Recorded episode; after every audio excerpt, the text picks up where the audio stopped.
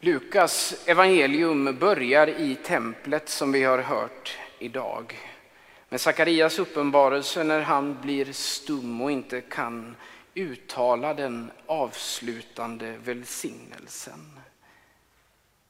Lukas evangelium slutar också i templet. Efter Jesu himmelsfärd då han välsignade apostlarna som sedan återvände till Jerusalem och var ständigt i templet och prisade Gud. Templet, gudstjänsten och tillbedjan där inramar så att säga evangeliet. Men inte bara det, det går också som en röd tråd genom detsamma. Kan fråga sig vad det här har för relevans idag när templet förstördes i samband med romarnas ockupation av Jerusalem omkring år 70 efter Kristus. Det är viktigt på så sätt att det säger oss något om hur Gud handlar. Djupast sett om vem Gud är. För Lukas betoning av templet, det är bara ett av många exempel. Inte bara för att ge berättelserna en en historisk kontext, ange plats och tidpunkt i förhållande till vår tid. Utan det säger också något om hur avgörande Gamla testamentets historia är för fortsättningen på Guds handlande.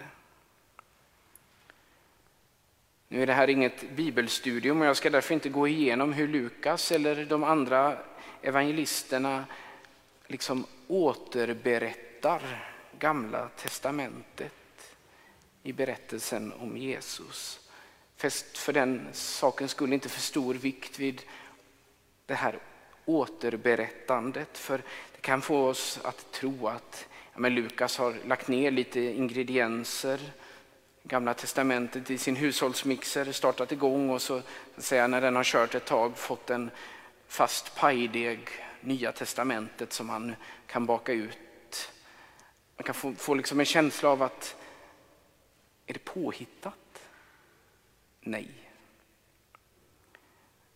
Förhållandet mellan gamla och nya testamentet, det här som jag kallar för återberättande, det går mycket djupare än vad vi kan förstå, tror jag. Detta att utan Gamla testamentet, ja då vet vi inte vem Gud är, vem Jesus är.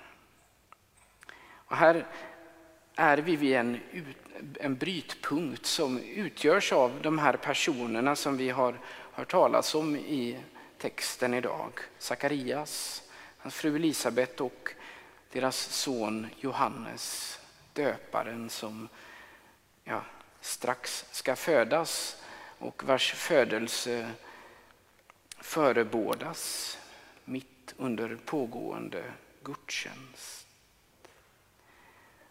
Men för att ändå visa på något av det här sambandet mellan gamla och nya testamentet så vill jag ändå ge ett exempel idag.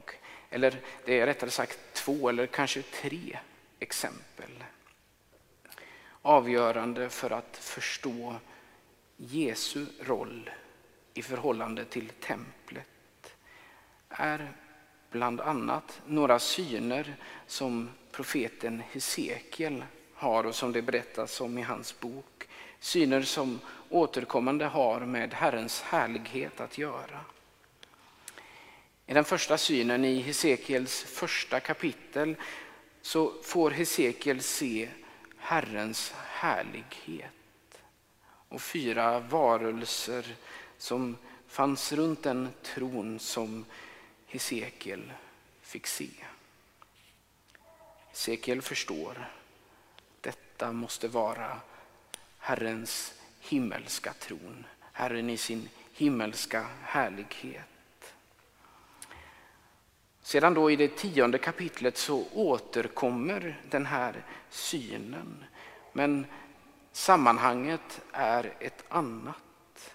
Hesekiel får då se hur Herrens härlighet lämnar, inte den himmelska tronen, utan templet. De fyra varelserna som han tidigare fått se förstår Hesekiel har att göra med keruberna, dessa som vakade, täckte förbundsarken i början i uppenbarelsetältet och sen i det första templet.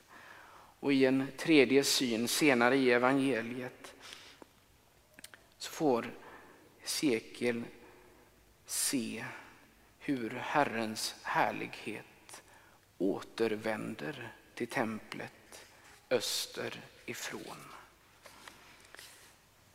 Och detta sker är Lukas poäng med att gång på gång betona Jerusalems tempel, inleda och avsluta med det och ha berättelser, liknelser som har med templet att göra som han är ensam att berätta om. När Jesus rider in i Jerusalem. Han kommer då från Betfage och Betania, rider ner för Olivberget som låg öster om staden och från vilket man kunde blicka ut över Jerusalem, ut över templet på andra sidan den lilla dalen. Han rider in i Jerusalem och säger på väg till templet som han snart ska rensa. Du alltså Jerusalem, förstod inte att tiden var inne för Guds besök. Herrens härlighet återvänder till templet i och med Jesus själv.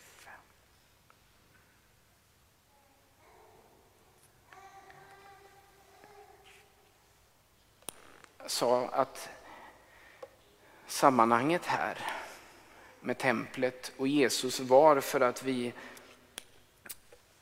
ska förstå hur Gud handlar och hur detta hänger ihop med vem han är.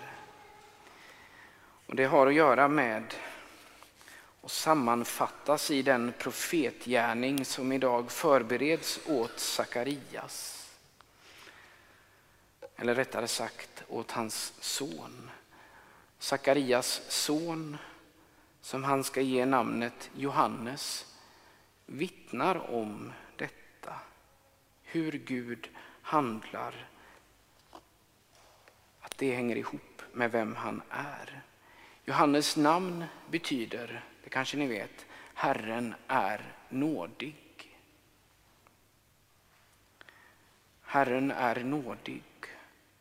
Kommer till sin hem, eh, mänsklighet. Han återvänder med sin härlighet. Johannes vittnar om det. Vittnar om honom, Jesus, vars namn betyder Herren räddar eller Herren frälser.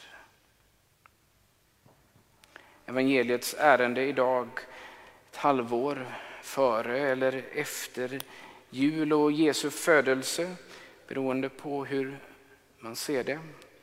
Om man blickar tillbaka eller framåt så firar vi den helige Johannes döparens födelse för att se detta att Herren handlar i enlighet med vem han är. Det vet vi av Johannes och Jesus. Herren är nådig, Herren räddar. Det betyder att vi kan luta oss mot honom i våra liv. Men låt oss då inte missta oss när templet och gudstjänsten aktualiseras här. Det handlar inte om vad som händer om jag som präst sjunger falskt eller rättare sagt då vad som inte skulle hända kanske eller glömmer något ord eller uttalar något fel.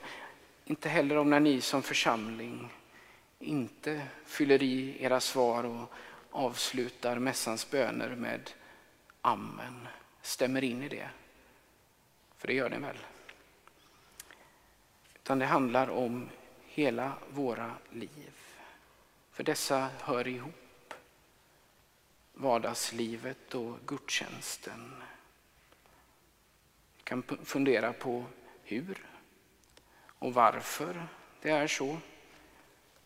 Men vi kan framförallt alltid vila i detta att Herren är nådig.